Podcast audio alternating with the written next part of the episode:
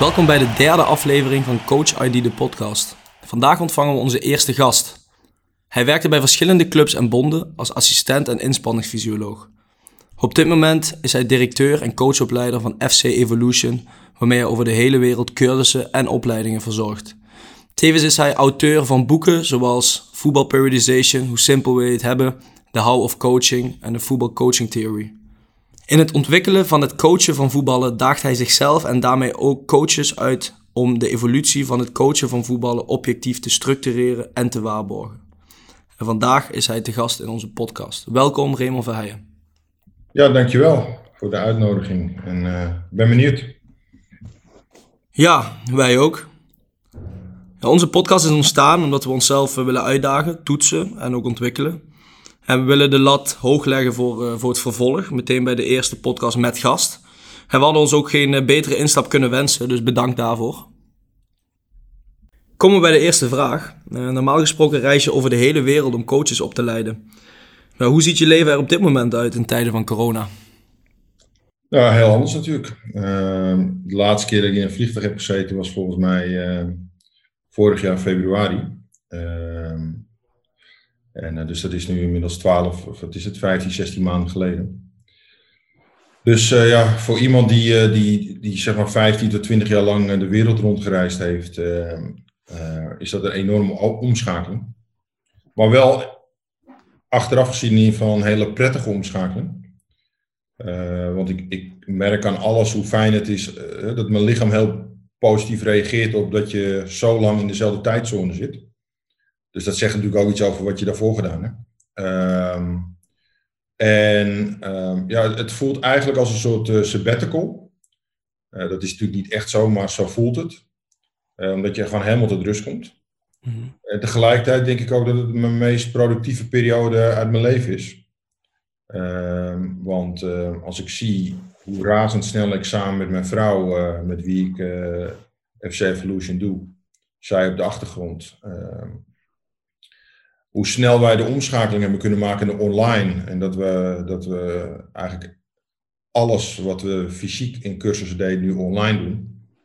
Uh, ja, dat, dat is een enorme productie eigenlijk in een, in een jaar tijd. En uh, daarnaast heb ik het tweede deel van, uh, van mijn boek Voetbal Coaching Theory uh, bijna af. En, ehm, dus ja, ehm, dit enorme wereldwijde nadeel had ook een persoonlijk voordeel, zeg maar. Oké. Okay.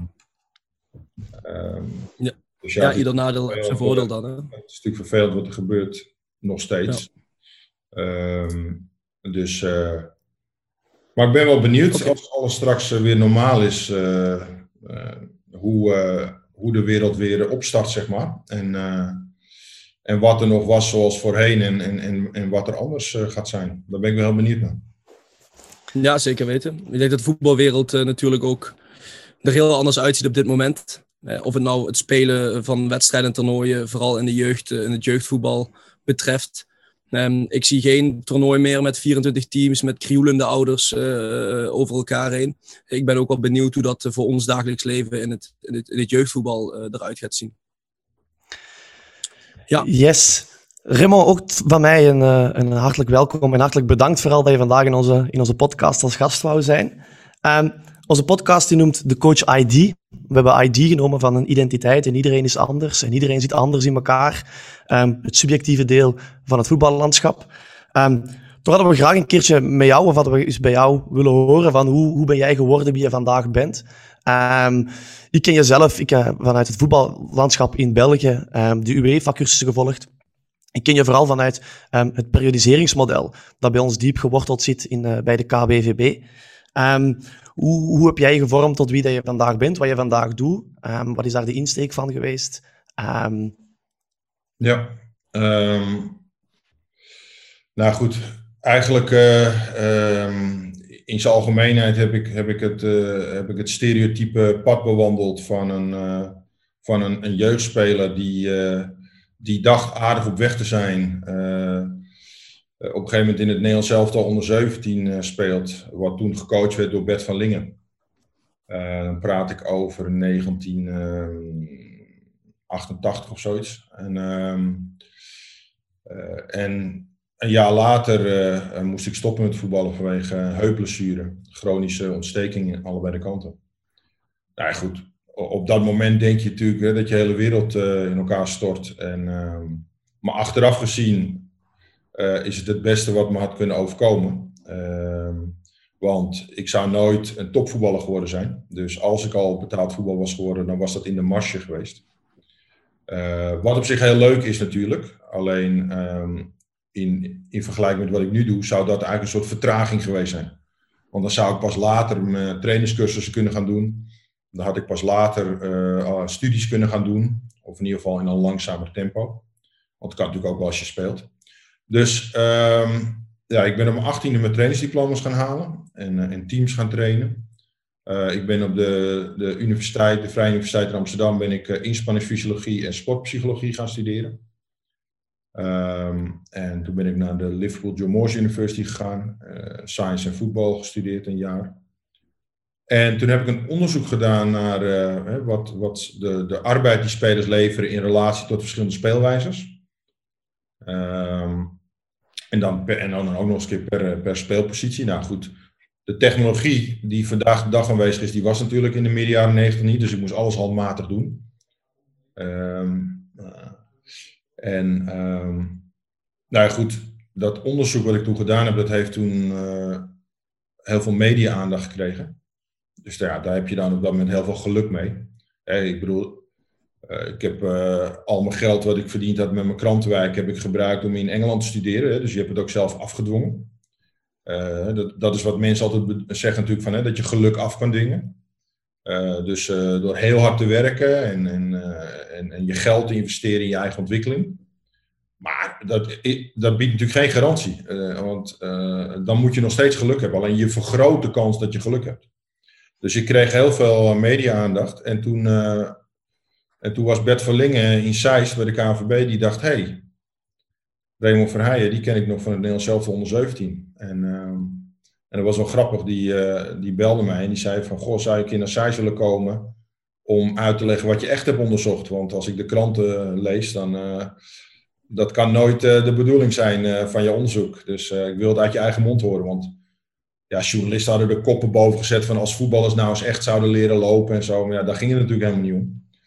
Het ging natuurlijk over uh, aantallen sprints in relatie tot speelwijze, speelpositie, et cetera. Maar ja, dat, dat is natuurlijk allemaal te complex voor, uh, voor het grote lezerspubliek. Nou goed, dus hij zei van, goh, kom vertel in sites wat je echt gedaan hebt. En dat heb ik gedaan. En uh, nou, toen, ja, daar kwam eigenlijk mijn eerste baan uit bij de KNVB. Top. Ja, de afstudeeronderzoek heb ik omgezet in een boek. Nou ja, weer, hè, dat, dat, is heel veel werk, zeker als je 3, 24 bent. Um, en um, dat boek dat werd onderdeel van de trainingscursus. En uh, nou, als, je, als, dat boek, als jouw boek uh, onderdeel wordt van de trainingscursus, dan volg je vaak ook als docent van, goh, zou je het ook zelf willen uitleggen?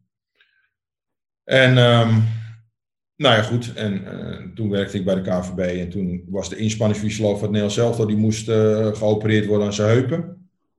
En toen kon Frank Rijkaard zich nog herinneren van de trainerscursus. Dus die vroeg of ik die rol wil hebben. Dus dat is weer zo'n moment, weet je. Aan de ene kant win je het zelf af, maar aan de andere kant is het ook geluk. Want ja, eh, als die, eh, als, als die persoon niet aan zijn heup geopereerd moest worden, zou je niet gevraagd zijn. En, uh, nou, en hetzelfde in 2002, toen ik assistent was bij Van Gaal. En Nederland zich niet kwalificeerde voor de WK. Uh, wat op zich weer een, een, een, teleurstelling is, want dat was voor het eerst sinds uh, eh, 15 jaar of zo. Maar vervolgens zegt Guus Hering van, goh, zou jij er met mij mee willen naar Korea?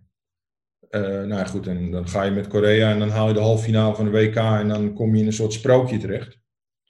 Ehm, maar dat is ook weer een geluk bij een ongeluk, als je begrijpt wat ik bedoel. Dus ehm, de eigenlijk wat ik met die voorbeelden bedoel te zeggen, is ehm, dat er een aantal dingen zijn die, uh, die je zelf af kan dwingen. Kijk, mijn voetbalachtergrond uh, is natuurlijk een voordeel. Dat ik uh, zelf op het hoogste niveau gevoetbald heb voor mijn leeftijd dan. en later kwam ik dus bij het Nederlands met allemaal spelers waar ik mee of tegen gespeeld had. Dus ik was 25 dat ik bij het Nederlands kwam, wat natuurlijk eigenlijk veel te jong is. Alleen ja, de, de, mensen, de spelers waarmee ik werkte, die kende ik allemaal. Want daar had ik mee of tegen gespeeld. Dus dat is waarschijnlijk ook wel de reden dat het toch nog even goed wel werkte. Ehm, maar hey, dus je werkt heel hard, je hebt een uh, voetbalachtergrond dat helpt. Uh, maar is ook geen garantie. Uh, je studeert, je stopt je eigen geld in je eigen opleiding. Uh, dus dat zijn allemaal randvoorwaarden die je creëert om succesvol te zijn. Maar aan het einde van de rit is het maar net de vraag of iemand jou dan voor zo die kans wil geven. En ik heb een aantal momenten proberen aan te geven uh, waar ik gewoon geluk gehad heb. Okay. En, en, dat is wel heel belangrijk, dat mensen zich dat altijd realiseren. Keihard werken is een randvoorwaarde. Want als je dat niet doet, dan, dan gaat het bijna zeker niet lukken. Maar vervolgens bestaat het leven ook gewoon uit, uit momenten dat je gewoon geluk moet hebben. Ja. Um, een mede-onderdeel waarom wij Coach ID de podcast doen, is omdat wij ook graag onszelf omringen met mensen die slimmer zijn dan ons, mensen die specifiekere kennis hebben dan ons, om ons eigen enerzijds netwerk en know-how um, te verruimen. Um, die ook mede onze coachingsfilosofie straks gaan vormen. Um, is er iemand in het pad dat jij bewandeld hebt, dat je zou zeggen, die heeft me anders doen kijken naar dingen, die heeft me beter of meer inzichten gegeven in het pad dat je net benoemde? Ben je daar iemand tegengekomen waarvan je zegt, die heeft een enorme invloed gehad op de persoon die ik vandaag ben en op de kennis die ik vandaag heb? Ja, ook, dat is heel, heel duidelijk. toen ik op de VU studeerde, uh, had ik een uh, filosofieprofessor, Jan Tamboer. Uh, dat greep mij meteen. Eh, want heel veel, heel studenten om me heen die hadden echt zoiets van: Goh, wat een saai vak en waar heeft die man het over?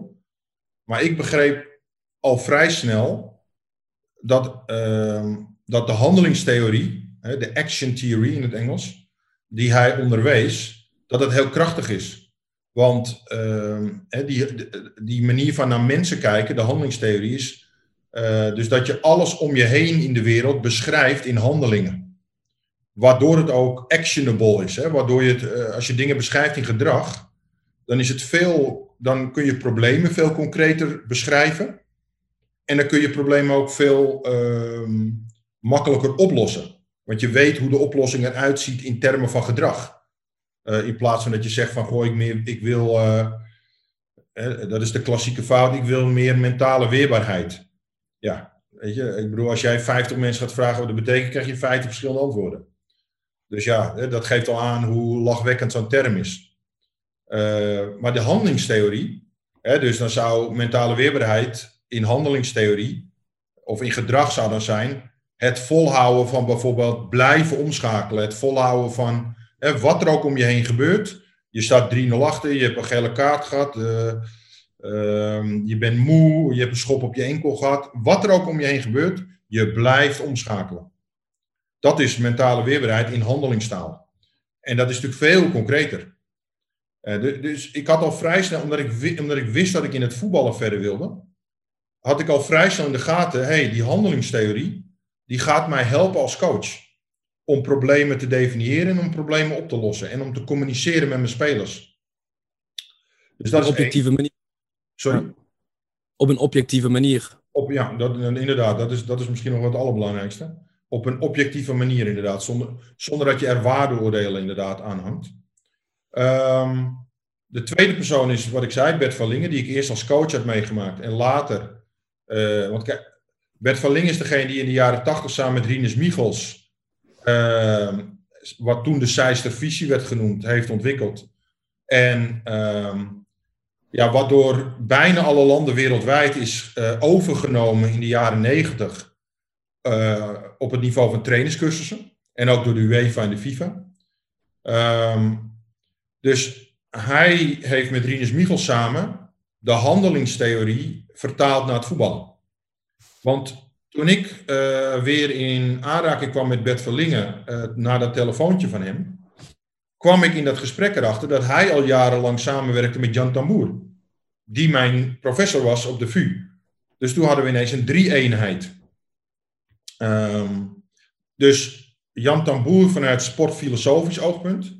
Uh, Bert van Lingen vanuit het, het coachen van voetballen en het doseren van trainers. En dan het laatste.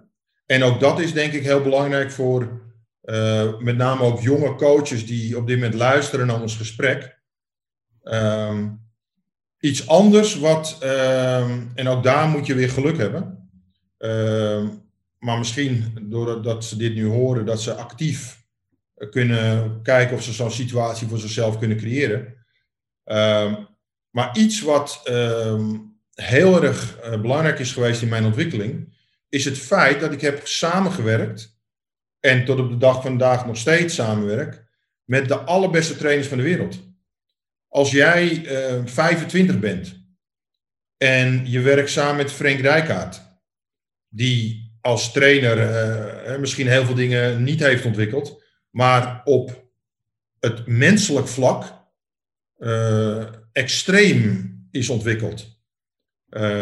En, of als je, hè, dus heb ik het over zeg people's management. En als je dan vervolgens uh, als jonge coach heel intensief samenwerkt met Van Gaal of met Guus Hiddink of later met Dick Advocaat.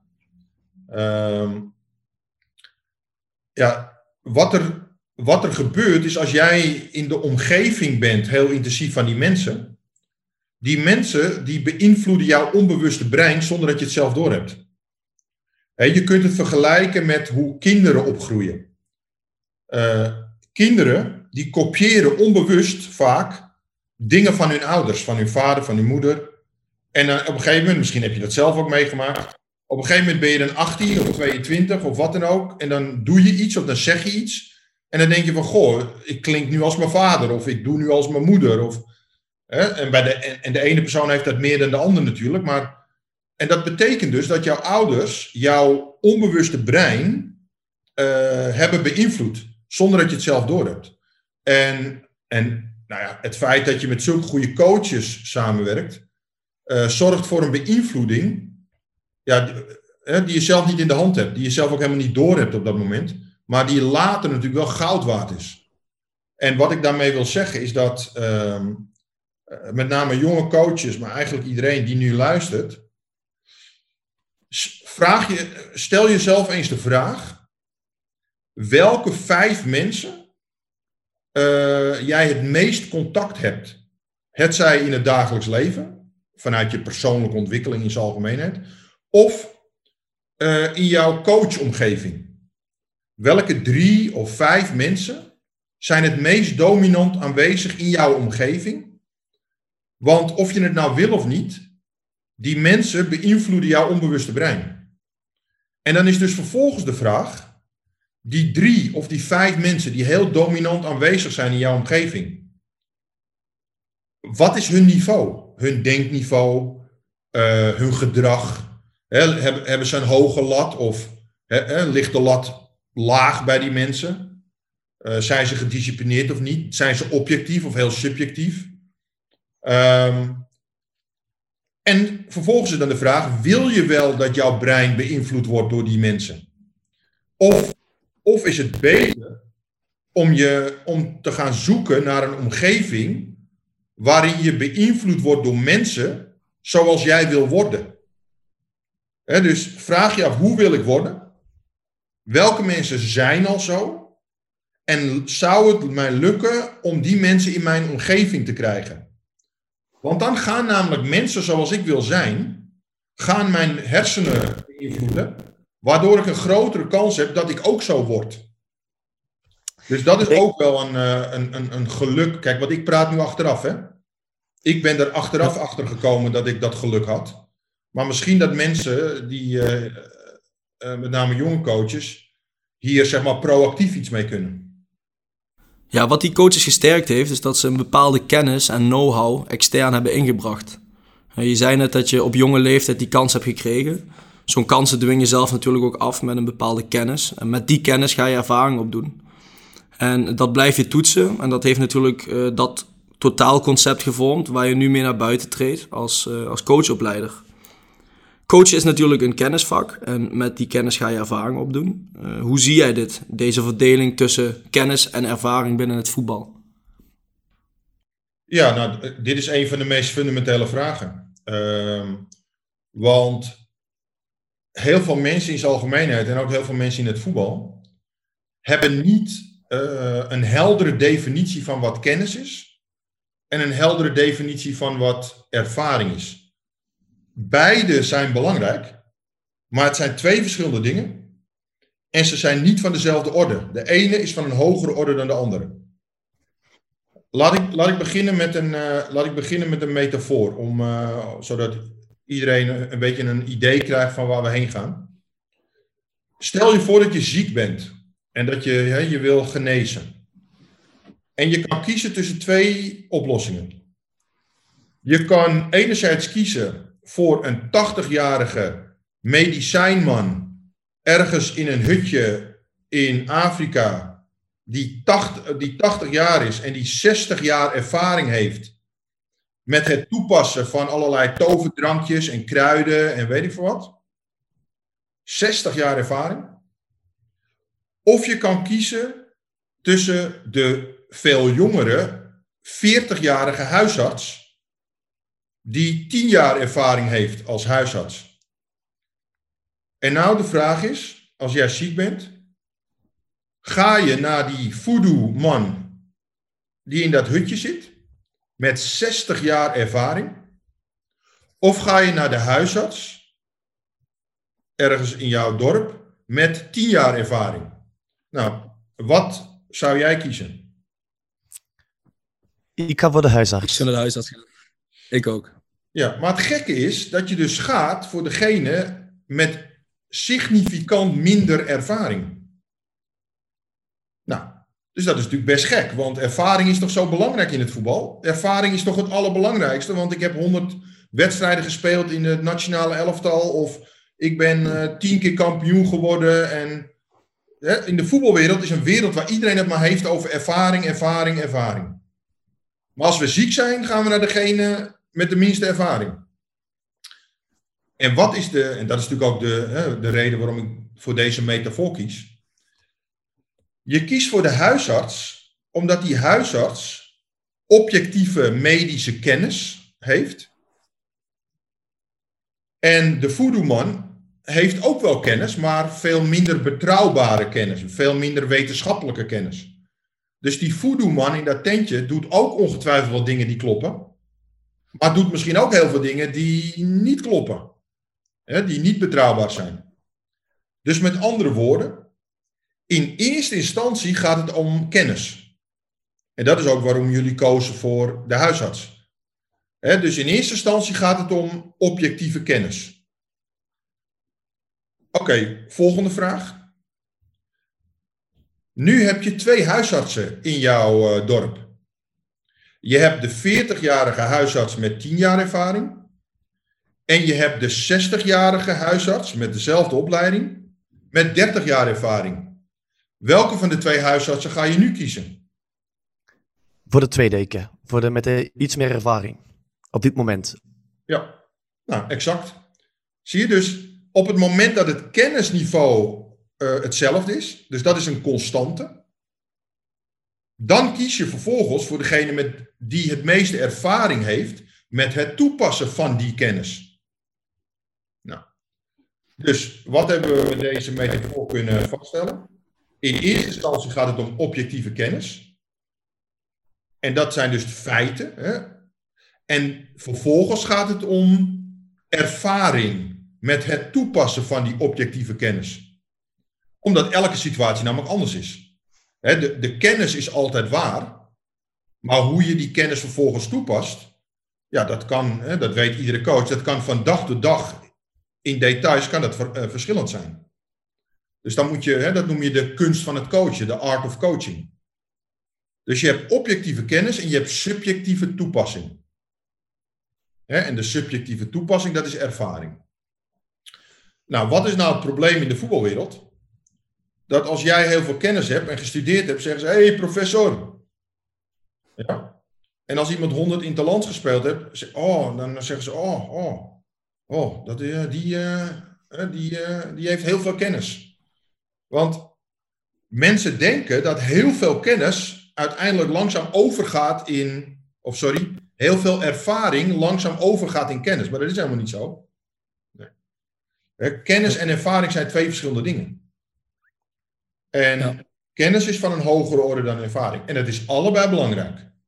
En als jij dus een oud voetballer bent, die geen tijd hebt gehad of wat dan ook om te, om te studeren, om boeken te lezen, cursussen te volgen, en je hebt twintig jaar gevoetbald, heb je dus heel veel ervaring.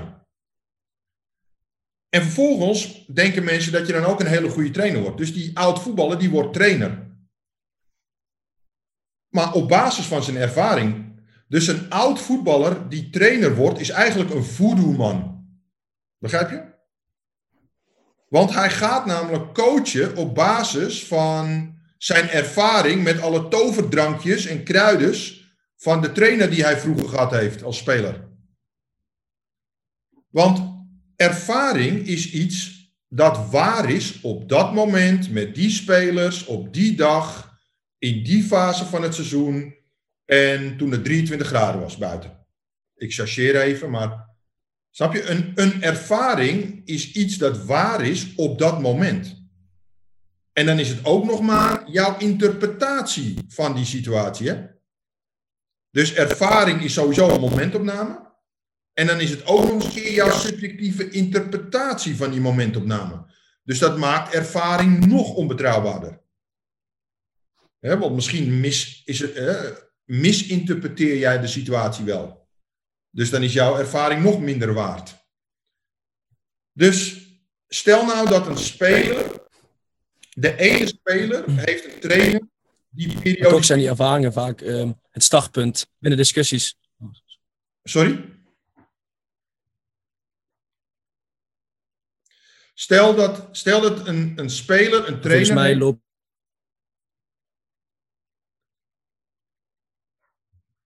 Ja, hij, uh, zijn verbinding is niet uh, helemaal goed. Hè? Ik, ik, denk het, ik denk het. Ja. Ik denk wat Jimmy, de vraag van Jimmy was dat de ervaring heel vaak het startpunt van discussies zijn. En van waar dat, dat dan komt, is dat omdat we fout kijken naar ervaring, dat te, waarde, te veel waarde aan hechten en daarover discussiëren en daardoor naast elkaar praten.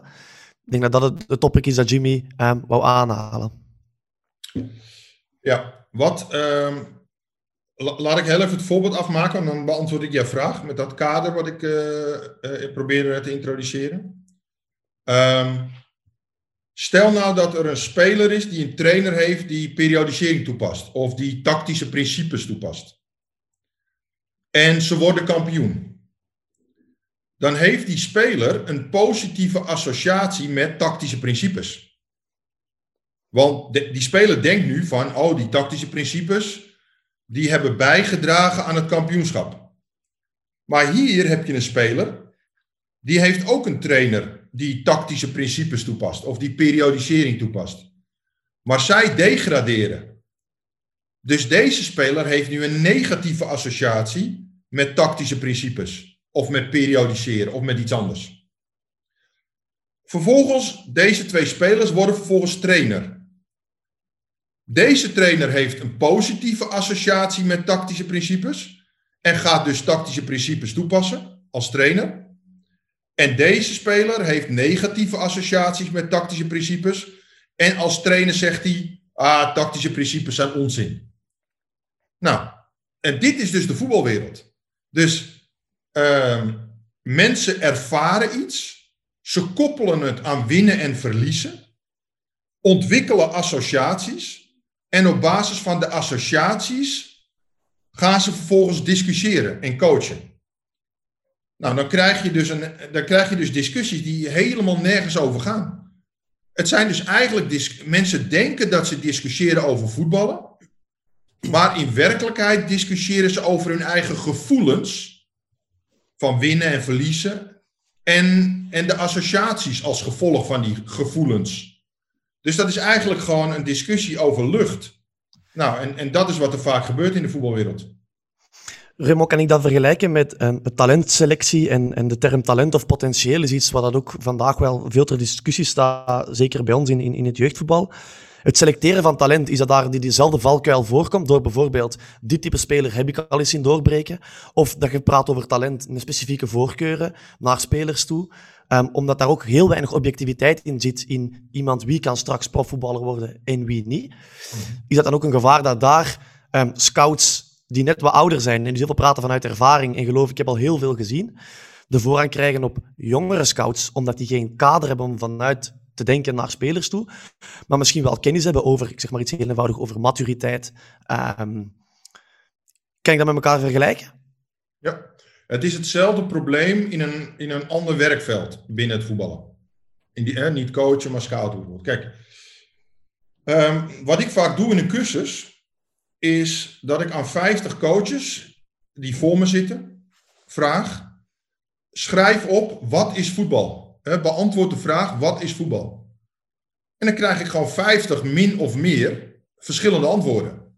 Nou, dat is eigenlijk al reden om te stoppen, als je begrijpt wat ik bedoel. Dus je bent de grootste sport ter wereld. Je hebt allemaal trainers die zichzelf heel erg goed vinden en uh, heel belangrijk vinden en denken dat ze heel veel kennis hebben. En ze zijn ook al tien keer kampioen geworden. Maar als ik dan, als ik dan de vraag stel, definieer jouw eigen sport eens in een objectieve manier, dan kunnen ze dat niet eens. Nou ja, als je, als je al niet eens je eigen sport kan definiëren, ja, wat kan je dan verwachten van de rest? Want al het andere is een verbijzondering van jouw sport. Het is een specifieke toepassing binnen jouw sport. Dus als het algemene kader al niet goed gedefinieerd is, ja, wat kan je dan zeggen van alle subkaders daarbinnen? Nou, hetzelfde met scouting. Ja, als je, als je wil lachen, dan moet je aan 50 mensen vragen: wat is een talent? Dan krijg je ook 50 verschillende antwoorden. Ja, ja dat is ook vervolgens weer reden om te stoppen, als je begrijpt wat ik bedoel. Weet je, dus dan heb je 50 scouts. Die allemaal roepen hè, de dingen die jij net zegt. Van uh, ja, maar ik heb die gescout en ik heb die gescout. En, en dan zeg je, oké, maar wat is, wat is een talent? Binnen welk kader scout jij dan? En dan krijg je gewoon 50 verschillende definities. Nou, dus hoe los je dat op? Door eerst een objectief kader te definiëren van wat een talent is.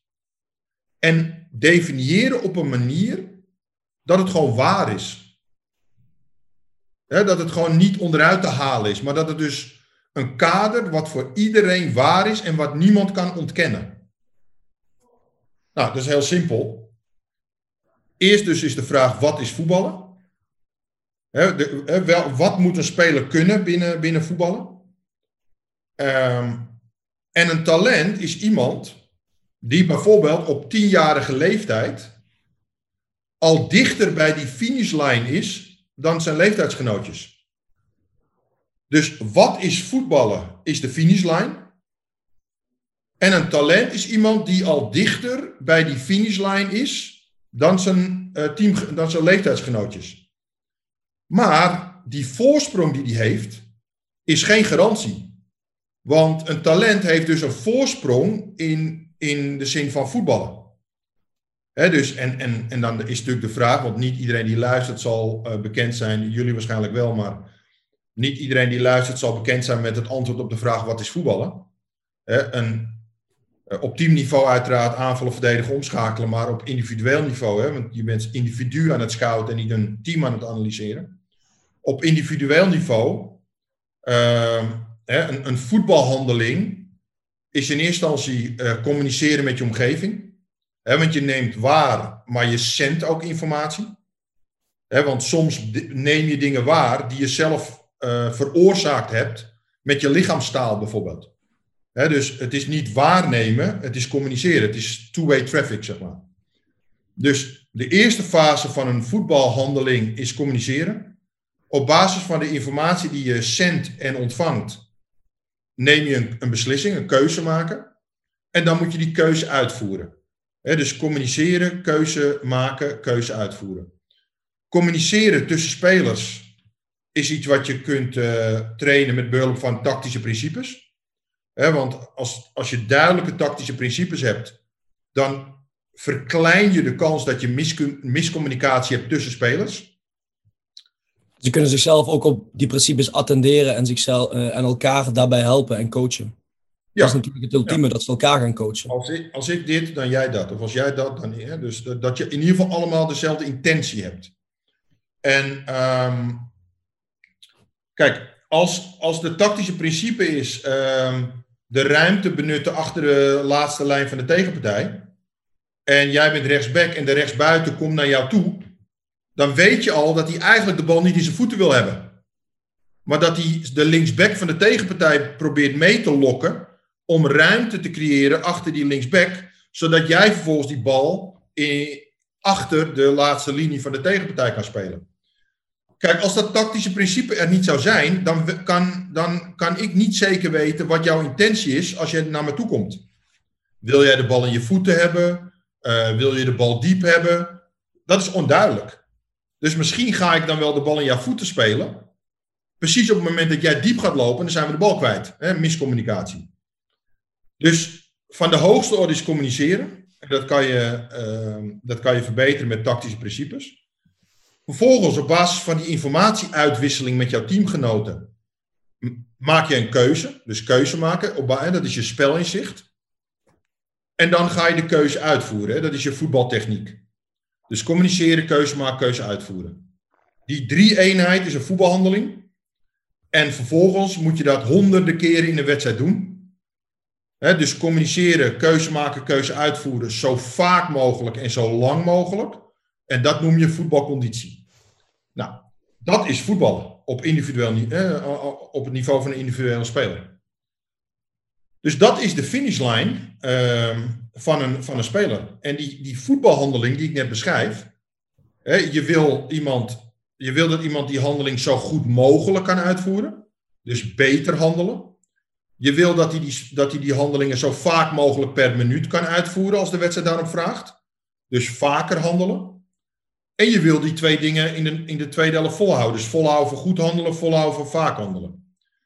Nou, dan heb je dus beter handelen, vaker handelen, volhouden, goed handelen, volhouden, vaak handelen. Dat zijn dus vier eigenschappen waar een speler over moet beschikken. Een talent, een tienjarig talent, is een speler die dichter bij die finishlijn zit dan zijn leeftijdsgenoten. Dus die al om zich heen kijkt. hey, hey, hey, die communiceert al meer met zijn omgeving uh, dan zijn leeftijdsgenoten. Of iemand die zijn uh, medespelers coacht, hè, verbale communicatie. hey, die heeft een communicatievoorsprong. Uh, of een speler die een bal diep speelt en dan soms de bal verliest. Maar ja, weet je, hij is pas acht. Maar hij ziet het al wel. Dus hij maakt al wel de keuze om die bal tussen twee spelers door te spelen. En je weet dat als hij 18 is, dat hij, dat hij prima in staat is om die bal met een goede snelheid te spelen. Maar iemand die op achtjarige leeftijd al die keuze maakt, of het nou lukt of niet, dat maakt niet uit. Dat is dus een, een talent in de zin van keuze maken. Of een achtjarige die als een bal stuiterend wordt aangespeeld, uh, dat hij hem heel snel uh, aanneemt en, en, en klaarlegt om te pasen. Dan denk je, hé, hey, hey, die heeft een voorsprong in keuze uitvoeren. Of iemand die de hele wedstrijd maar blijft gaan. hey, die heeft een keuze, die heeft een, heeft een voorsprong in de zin van het volhouden van communiceren, keuze maken, keuze uitvoeren. Een voetbalconditionele voorsprong. Dus eerst definieer je voetballen. En een talent is iemand die dichter bij die finishlijn zit dan zijn uh, leeftijdsgenoten. Alleen dichter bij die finishlijn zitten is slechts een voorsprong. Maar het is geen garantie. Want iemand die een achterstand heeft, maar die gewoon veel, gewoon veel harder traint in de komende twaalf jaar, die kan, hem, die kan dat talent gewoon inhalen en alsnog die finishlijn halen. Dus Talent is iemand die dichter bij de communiceren, keuze maken, keuze uitvoeren, voetbalconditie, finishlijn zit.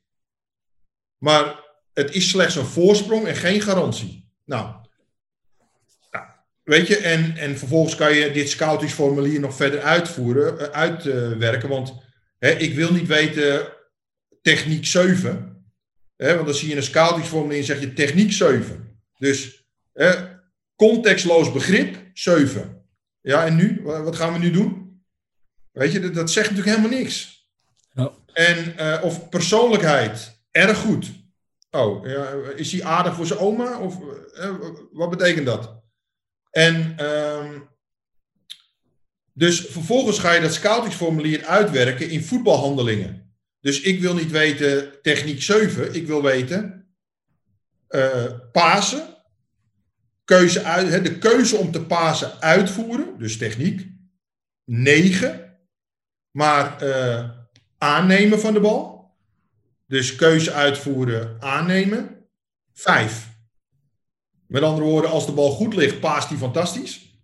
Maar de bal ligt bijna nooit goed, want hij is niet heel erg goed in het aannemen van de bal. en ik geef maar even een hypothetisch, uh, ik probeer even een contrast uh, te schetsen. Ja.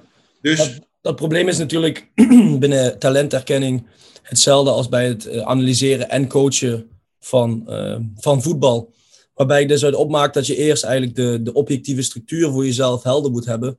Voordat je eigenlijk kan beginnen om in detail spelers te coachen ik merk zelf wel, um, ook wel aan mezelf, maar over het algemeen en, en, ook in het jeugdvoetbal, wordt vaak op toepassingsniveau gesproken en op toepassingsniveau gecoacht.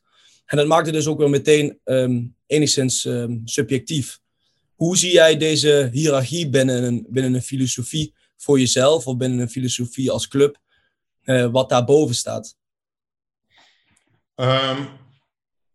objectieve kennis, dat is wat. Dat is wat je doet. Subjectieve toepassing, dus ervaring, is hoe je het doet. Dus objectieve kennis was van de hoogste orde, dat is het wat. En ervaring, hè, de subjectieve toepassing van die kennis, dat is hoe. En dezelfde kennis, wat ik net zei, kan je op tien verschillende manieren toepassen in tien verschillende situaties. En de reden dat, uh, hè, dat is eigenlijk uh, in het verlengde van waar we het net over hadden. Het probleem in de voetbalwereld is dat mensen ervaring van de hoogste orde vinden. Dat betekent dus dat ze niet objectieve kennis als vertrekpunt nemen, maar dat ze direct subjectieve toepassing als vertrekpunt nemen. Dus in het verleden heb ik iets, toe, heb ik iets toegepast hey, ik, dat, dat werkt, dus dan ga ik het vandaag weer doen. En wat je dan dus krijgt, is dat ik vandaag niet objectieve kennis toepas, maar ik ga vandaag de subjectieve toepassing uit het verleden, ga ik vandaag subjectief toepassen. Dus dan krijg je de subjectieve toepassing van subjectieve toepassing. En subjectiviteit maal subjectiviteit, in het normale leven noem je dat chaos. Ja, dus mensen die ervaring en meningen subjectief gaan toepassen, ja, dat is chaos. En, dan, uh, en, de, en, en dat is ook waarom de voetbalwereld is zoals die is. Als jij iemand bent die niet objectieve kennis hebt maar alleen maar ervaringen uit het verleden en meningen. En jij coacht door meningen en ervaringen toe te passen, subjectief, oftewel chaos. Wat is dan het enige overlevingsmechanisme in, dat, in, dat, in, in die chaos? Dat als het fout gaat, dat je iets of iemand anders de schuld geeft. En daarom heb je in het voetbal ook die blame culture het ligt altijd aan een ander, het ligt altijd aan iets anders. En het ligt vooral niet aan mezelf.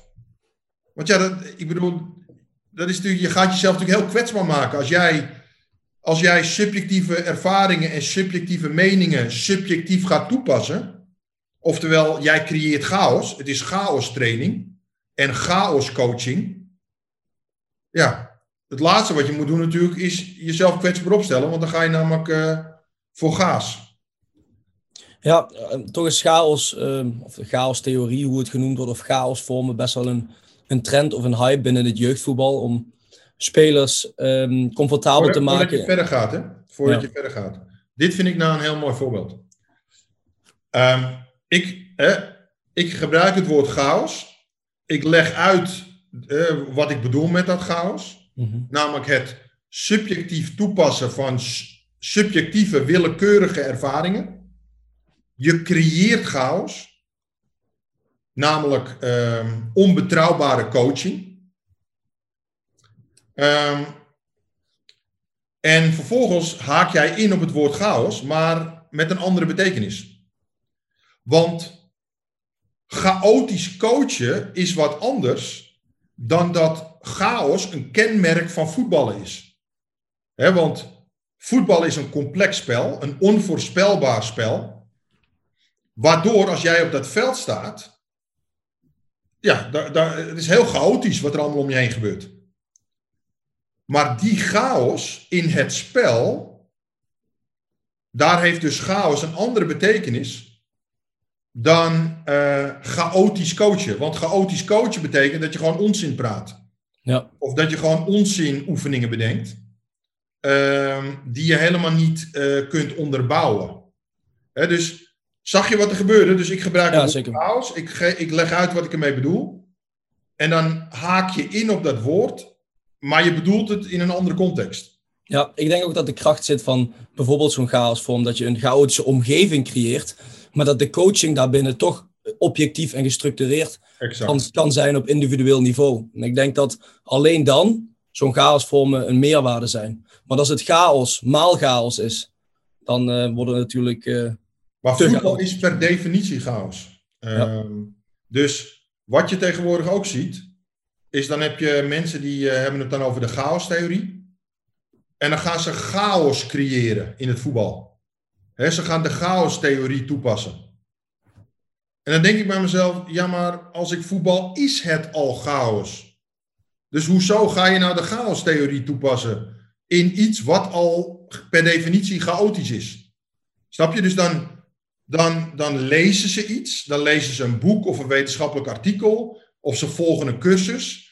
En dan denken ze, oh, chaos-theorie. En dat is dan het smaakje van de week. En dat wordt dan toegepast als een soort doel op zichzelf.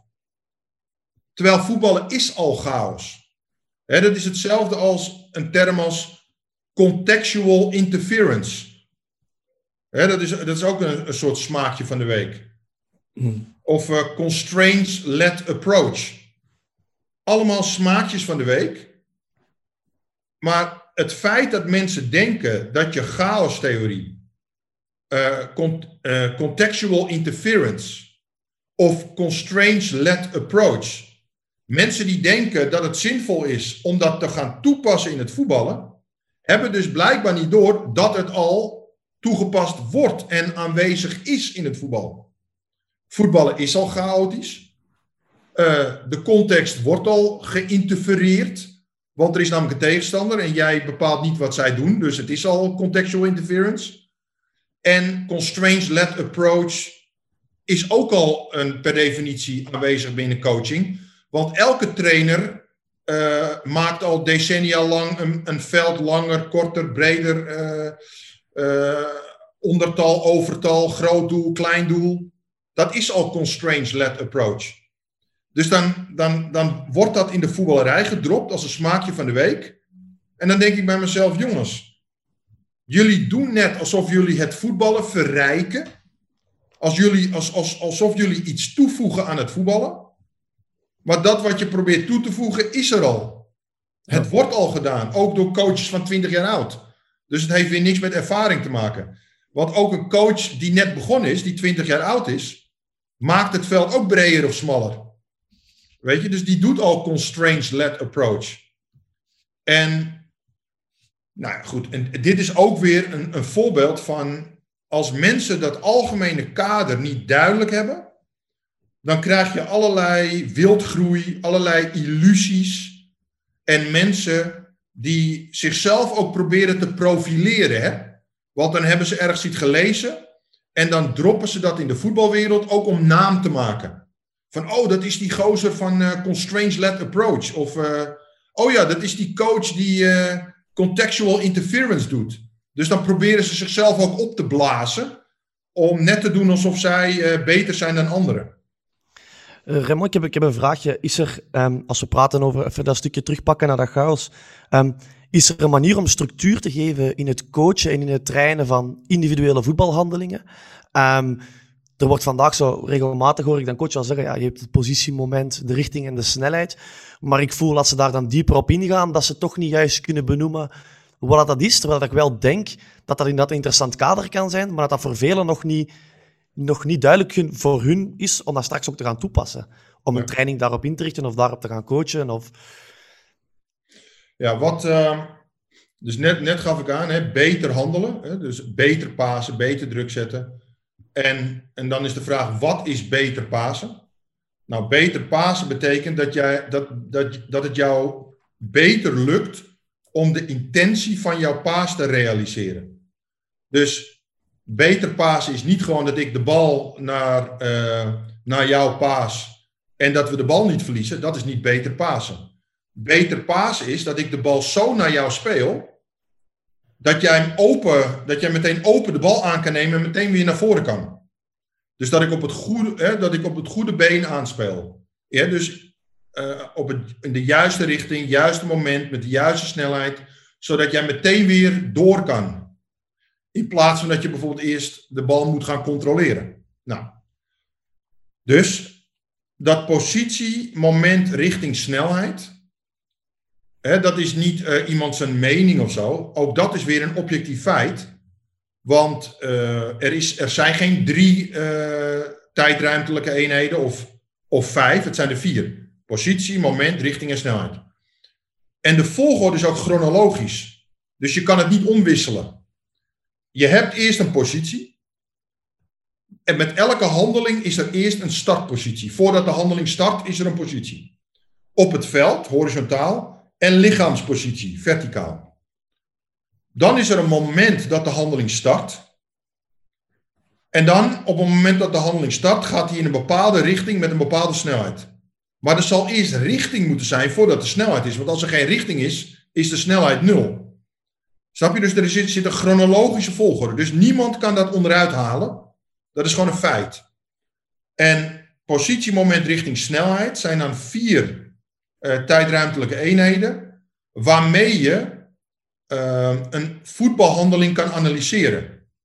En dat je uh, heel gedetailleerd kan zijn. Want je kan wel zeggen, ja, dat is geen goede paas of dat is een verkeerde aanname. Maar ja, leg mij dan eens uit.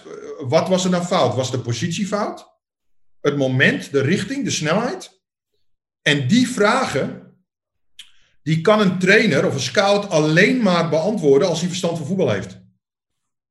En iedereen in de voetballerij die probeert uh, de indruk te wekken er verstand van te hebben, maar in werkelijkheid heel veel praat zonder iets te zeggen. Als die mensen vervolgens moeten zeggen positie, moment, richting, snelheid, ja, dan is binnen 10 seconden duidelijk dat zij helemaal niet gezien hebben waar ze naar kijken.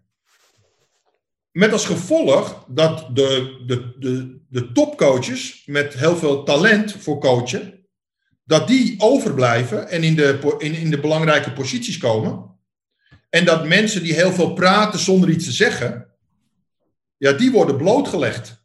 die worden zeg maar, in het Engels exposed. Die worden ontmaskerd. Want in het voetballen zie je nu heel vaak dat als jij heel, heel goed kan praten zonder iets te zeggen, kan jij zomaar in een hoge positie komen. Of als jij een heel goed netwerk hebt, als jij de juiste mensen kent, dan kan jij zomaar in een, in een hoge positie komen. Maar als jij echte duidelijke voetbalkaders hebt, en dat je dus mensen echt dwingt om in detail te zeggen wat je ziet. Ja, dat kan alleen maar iemand die voetballen kan lezen. Ja, en die blijven dan uiteindelijk over. En die krijgen dan de posities die ze verdienen. Dus dat is wel echt een heel belangrijk component. Ja, oké. Ja, ik, heb nog een, eh, ik heb nog een vraag, uh, Raymond. Uh, want er wordt in het voetbal af en toe gesproken over een holistische benadering. We hebben het ook in, in een voorgesprek tussen ze hebben mij gehad over uh, ja, generalist versus uh, de specialist. Um, we zien dat in de voetballerij zeg maar, de geïsoleerde expertise uh, ja, zijn intrede doet binnen, binnen de voetbalcoaches die hun specialisme hebben, maar zeker ook specialisten zoals pedagogen, fysieke coaches, sportpsychologen enzovoorts. Um, vaak wordt dat dan binnen hun expertise het startpunt gezien binnen het voetbal hoe belangrijk is het voor een coach om daarin een, generalist te zijn, te zijn en om dat te projecteren op, op het voetbal en niet andersom? Nou, in feite heb ik die vraag natuurlijk al beantwoord. Uh, op een hele, hè, de, alle, alles, alles wat ik tot nu toe verteld heb, uh, is een kader waarmee je die aanpak kan falsificeren. En niet op basis van mijn mening, maar gewoon op objectief, als een, als een wetenschapper bijna, kan je die benadering uh, onderuit halen. Ehm, want ehm, ik gaf net al aan hè, met uh, chaos en contextual interference en constraints-led approach. En nu kan je de pedagogiek en alle andere dingen kan je daar aan, achteraan zetten. En dan krijg je hetzelfde antwoord van mij. Um,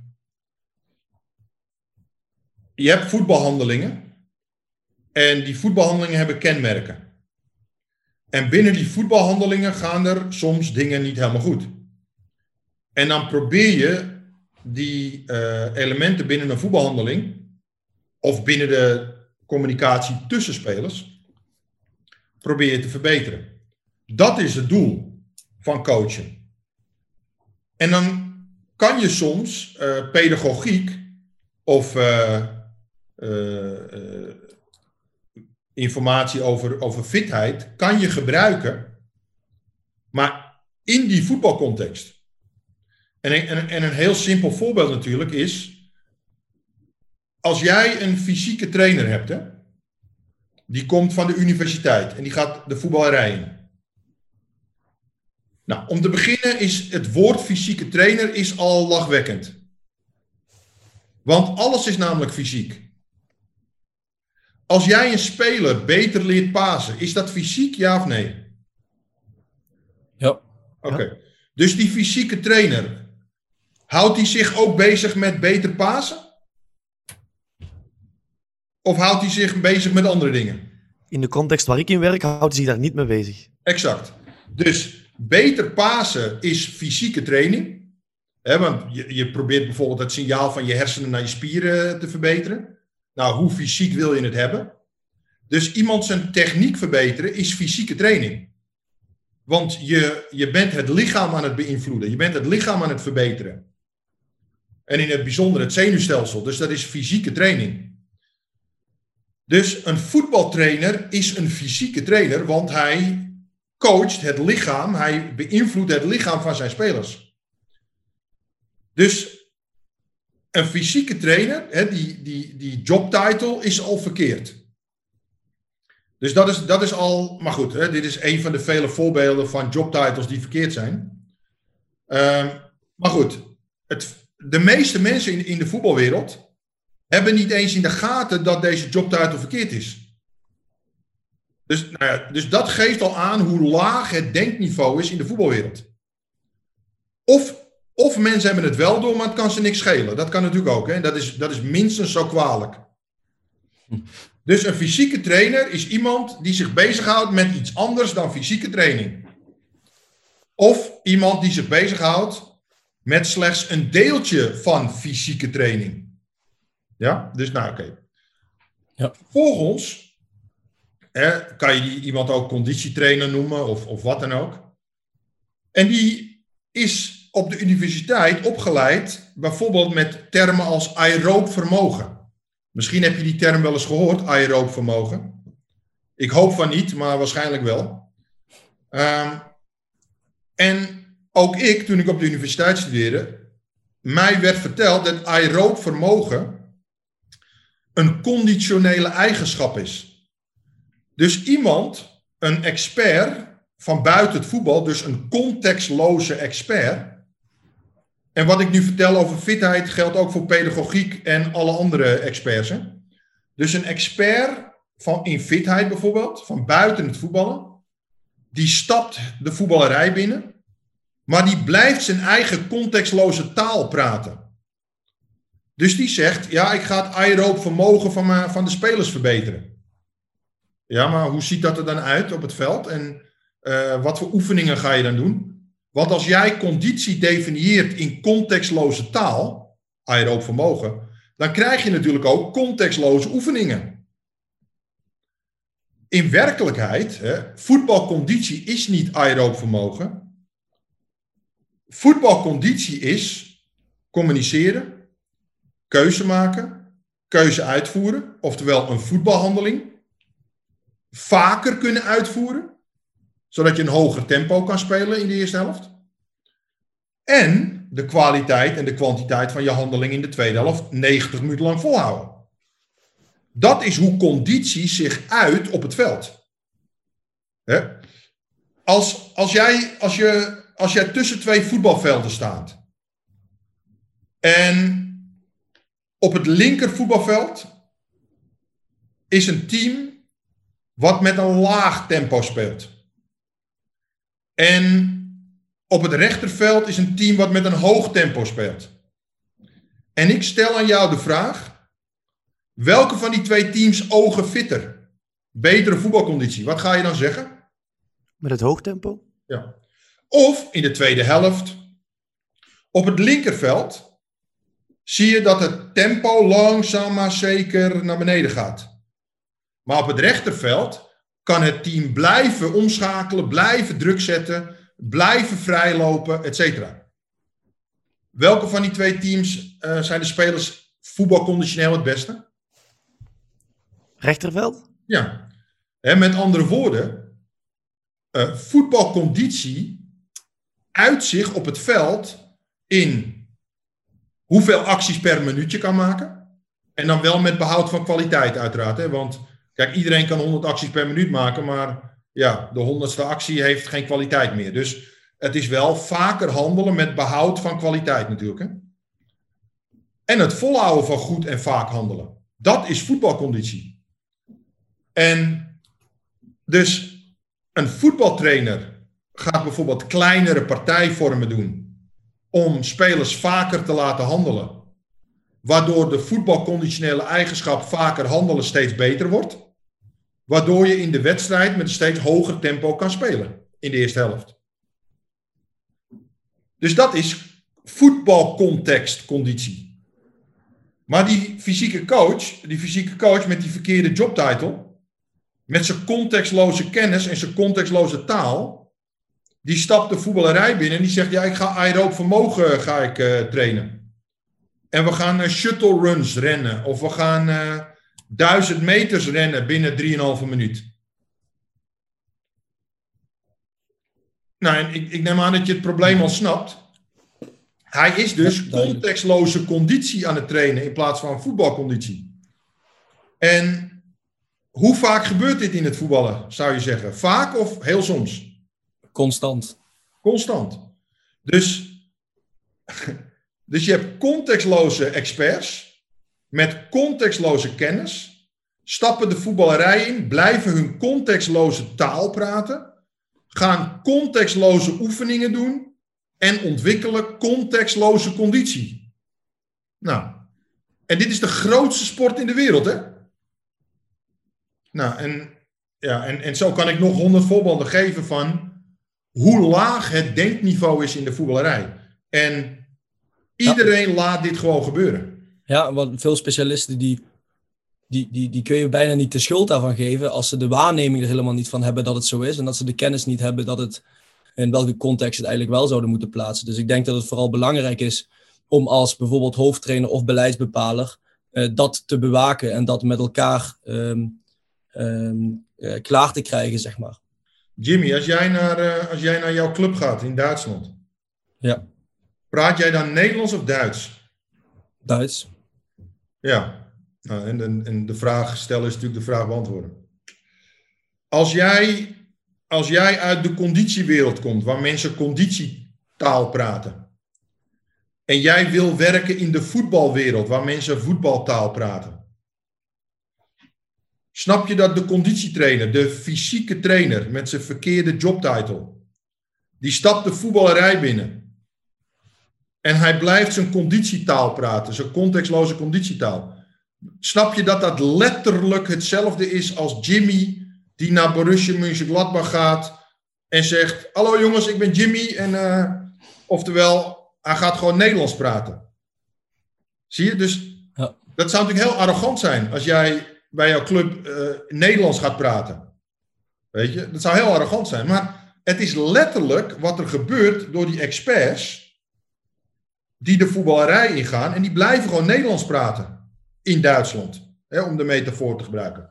Maar er is één punt wat jij maakte, en dat is wel heel belangrijk, om dingen in perspectief te plaatsen, want dat klopt wat jij zegt. wij begonnen te zeggen dat de mensen in de voetbalwereld niet eens kunnen opschrijven wat voetbal is. En niet eens universele voetbaltaal hebben. En universele voetbalkaders hebben. Dus stel nou dat jij een inspanningsfysioloog bent. en jij stapt de voetballerij binnen met allemaal goede intenties. en je zegt, jongens, geef mij het, voetbal, uh, het voetbalwoordenboek. Want ik wil jullie taal leren. En geef mij jullie voetbalkaderboek, want ik wil jullie kaders leren. Ja, het voetbalwoordenboek is er niet, want er is geen universele voetbaltaal. Het voetbalkaderboek is er ook niet, want er zijn geen universele voetbalkaders.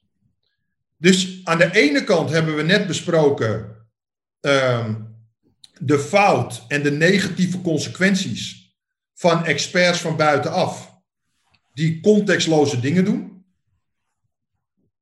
Maar de, degene die daar verantwoordelijk voor zijn, dat zijn de voetbaltrainers.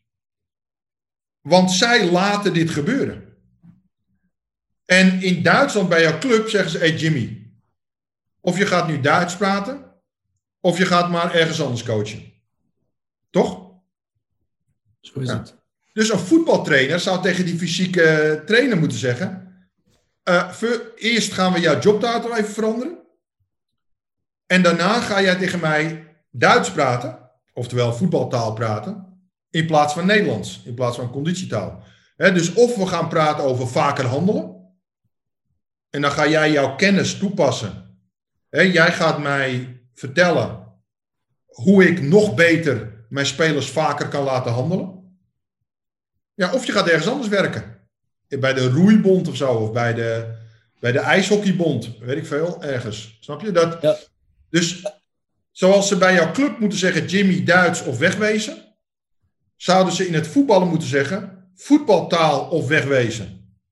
Maar dat kunnen ze niet zeggen, want er is geen universele voetbaltaal. Ja, en om datzelfde voorbeeld te nemen. Natuurlijk, het, het, leren van die Duitse taal binnen coaching was ook een proces. Dat ging ook niet vanaf de eerste dag. Daarin hebben ze mij ook geholpen. En daar ga je in groeien. Dat heeft tijd nodig. Tot je op een moment bijna vloeiend binnen coaching uh, de Duitse voetbaltaal beheerst. En zo is het natuurlijk met alle specialismes. Ja.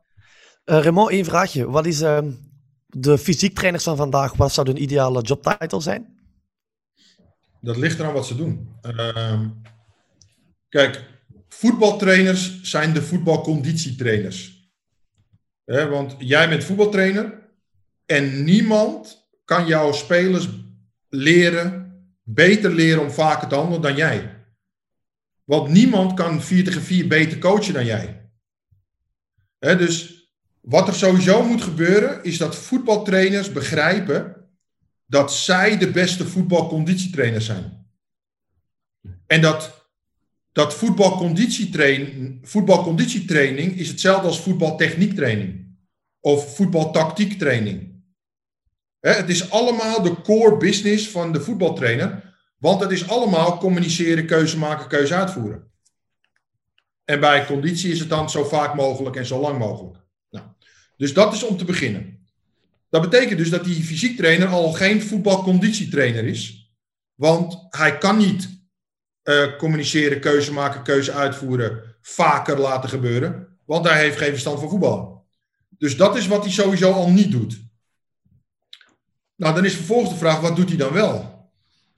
Ja, en dat, en dat moet je dan in, uh, in handelingstaal uh, uh, definiëren. Dus um, even in, om even Engelse termen te gebruiken. Als een voetbaltrainer coacht voetbal actions. En het woord action komt van interaction. En een action is eigenlijk een interaction met jouw omgeving. Dus op een voetbalveld met medespelers, tegenstanders, een bal, doelen, lijnen, etc. Dan interacteer ik met mijn voetbalomgeving. En die voetbalinteractie, die voetbalactie, die noem je dan bijvoorbeeld vrijlopen. Maar als ik diezelfde interactie met mijn omgeving doe op een parkeerplaats of op het strand, dan noem je het geen vrijlopen. dan noem je het sprinten bijvoorbeeld. Ja? Een ander voorbeeld. Uh, kijk, als ik nu dit doe, ja, dan ben ik aan het interacteren met jullie. En voor de mensen die alleen luisteren, ik zwaai nu naar jullie. Ja. Maar op het moment dat ik niet in gesprek zou zijn met jullie, en ik zou in een, op, op mijn computerscherm met een Word-document uh, bezig zijn, en dan doe ik dit, ja, dan vragen mensen om te beginnen, hè, dan zwaai ik weer, maar dan is het geen zwaaien, want ik zwaai niet naar iemand toe. Dus ik interacteer niet met mijn omgeving. Dus om te beginnen vragen mensen dan hè, of het goed met me gaat hè, als ik dit doe, naar mijn Word-document. um, maar zie je, nou ben ik niet aan het interacteren met mijn omgeving. Dus nou is het niet een handeling, een actie. Nu is het een beweging. Dus als ik dit doe naar mijn scherm, dan, is het, dan beweeg ik mijn hand of mijn arm. Dan is het een beweging. Maar nu jullie op mijn scherm staan en jullie mij kunnen zien, is het een handeling, een interactie. Dus dit is het filosofische verschil tussen een handeling, een action, en een movement, een beweging. Nou, de meeste mensen hebben dat ook niet helder in hun uh, denken. die, die, die zeggen gewoon, ja, een voetbalbeweging. Maar een voetbalbeweging bestaat helemaal niet. Want als jij zegt voetbal, dat betekent dat er een voetbalomgeving is. En dat betekent dus dat je aan het interacteren bent. En dan is het niet meer een beweging, maar een handeling, een interaction. Dus het is of een voetbalaction, of het is een movement. Ja? Nou, wat je daar nog tussen hebt, is die sprint, weet je wel, die ik in het bos uh, deed. Dus op, op het voetbalveld noem je iets bijvoorbeeld vrijlopen. Dan is het een voetbal interaction. Een voetbalaction, een voetbalhandeling. Maar als ik datzelfde zou doen hier op straat, dan noem je het sprinten. Dat is nog steeds een action, want ik ben nog steeds aan het interacteren met de grond.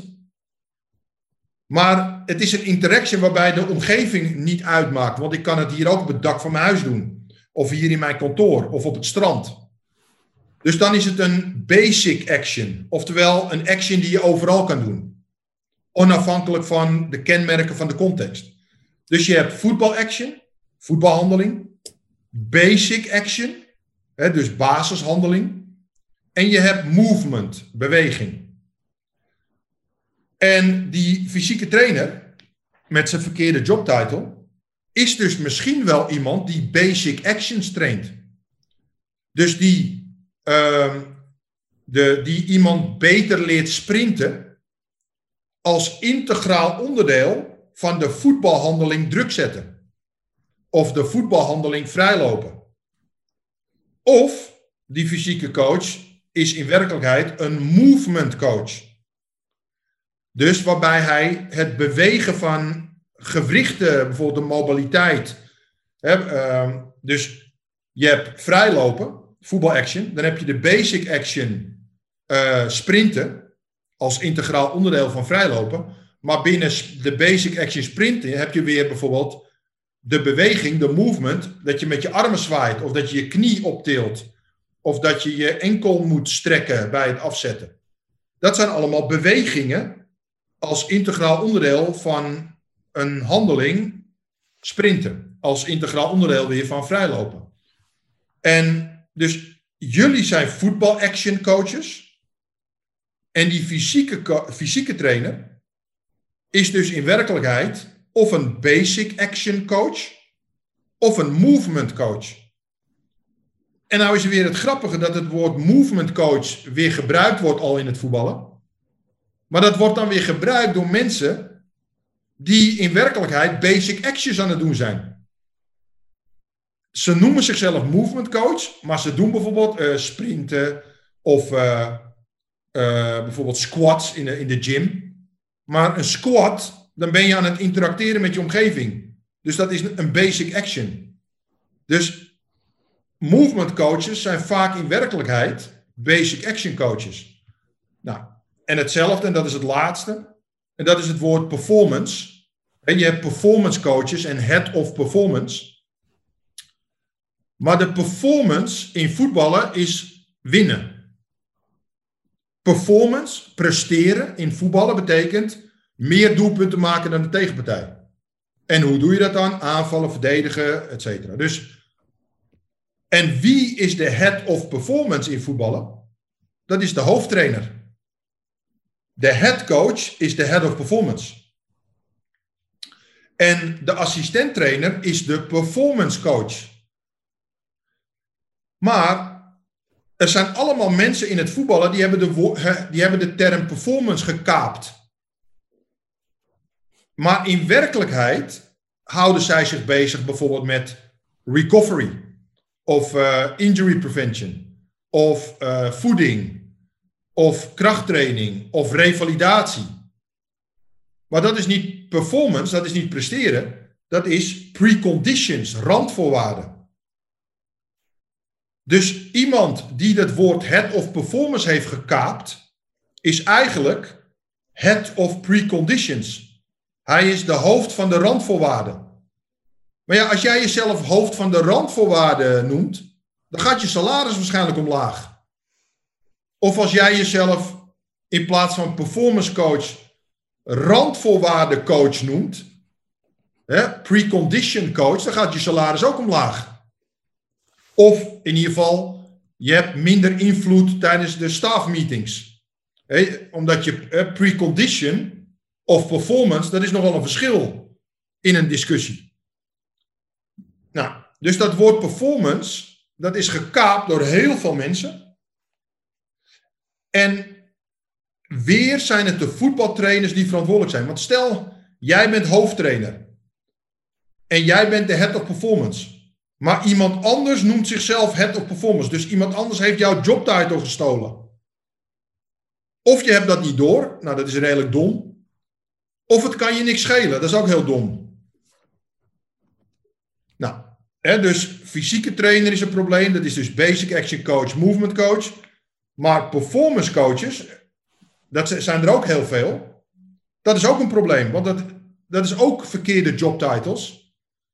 En nou ja, zo kan je nog tien podcasts doorgaan met het falsificeren en blootleggen op, van allemaal uh, fouten, Ehm, verkeerde kaders, subjectiviteit binnen de voetbalwereld. En het laatste wat ik erover wil zeggen, en dat is uh, iets wat. Uh, dat is eigenlijk ook gewoon reden voor iedereen die luistert om deze podcast niet één keer te luisteren, maar minimaal twee keer. Als je deze podcast, en misschien heeft de luisteraar dit zelf al wel in de gaten hoor, dat zou natuurlijk heel goed kunnen. Maar anders zou ik iedereen het advies willen geven om deze podcast nog een keer te luisteren. Met één vraag in het achterhoofd. Bij alles wat ik gezegd heb in deze podcast. Hoeveel van wat ik gezegd heb was objectief en had helemaal niks met mij te maken als persoon? En hoeveel was mijn mening? Nou, en dan denk ik dat je een hele verrassende uitkomst hebt. Fantastisch. Ik denk, uh, mooie tip voor onze luisteraars om mee af te sluiten. Ook uh, ik zelf ga hem zeker ook nog een paar keer terug beluisteren en uh, herdenken. En ook reflecteren op hetgeen wat ik zelf vandaag doe. En kijken naar mijn jobtitles, naar mijn inhoud. En naast leggen wat we vandaag verteld hebben. Ik denk dat we heel veel hebben aangereikt. En inderdaad nog, nog, nog wel een paar uren, dagen zouden kunnen doorgaan. Um, Jimmy, um, heb jij nog vragen of wil jij, wil jij graag de afronding ingaan? Ja, ik denk dat we kunnen gaan afronden. Um, het was super interessant. Dit, uh, dit motiveert mij, jou denk ik, Seb, en uh, ook alle coaches die, die luisteren om, um, om daar zeker ook dieper op in te gaan. En ik hoop dat ik in de toekomst um, ja, ook een keer kan deelnemen aan bijvoorbeeld een mentorship om uh, hier in de diepte in te gaan. Want dit is denk ik niet iets wat je, wat je zomaar gaat snappen, wat je zomaar kan gaan toepassen, wat tijd nodig heeft. En daarom moet je ook de tijd investeren. Super bedankt, Raymond, voor jouw expertise, voor jouw tijd. Uh, het was erg interessant. En uh, voor alle luisteraars, dit was onze eerste podcast met een gast. Dit was ook onze eerste podcast online. Op het begin ging dat misschien een beetje mis met de verbinding. Maar ik hoop dat we dat later in de podcast goed hebben opgelost. En dat de kwaliteit even goed van een hoog niveau gaat, van hoog niveau was. En um, wat natuurlijk ook de doelstelling is en wat zeker gelukt is, is dat het vooral over de inhoud gaat. En als er dan van, technisch een keertje iets misgaat, dan is dat van de tweede orde. Ehm, we hopen dat jullie ervan geleerd hebben, dat jullie de volgende keer weer gaan luisteren. Raymond, nogmaals bedankt en tot de volgende keer.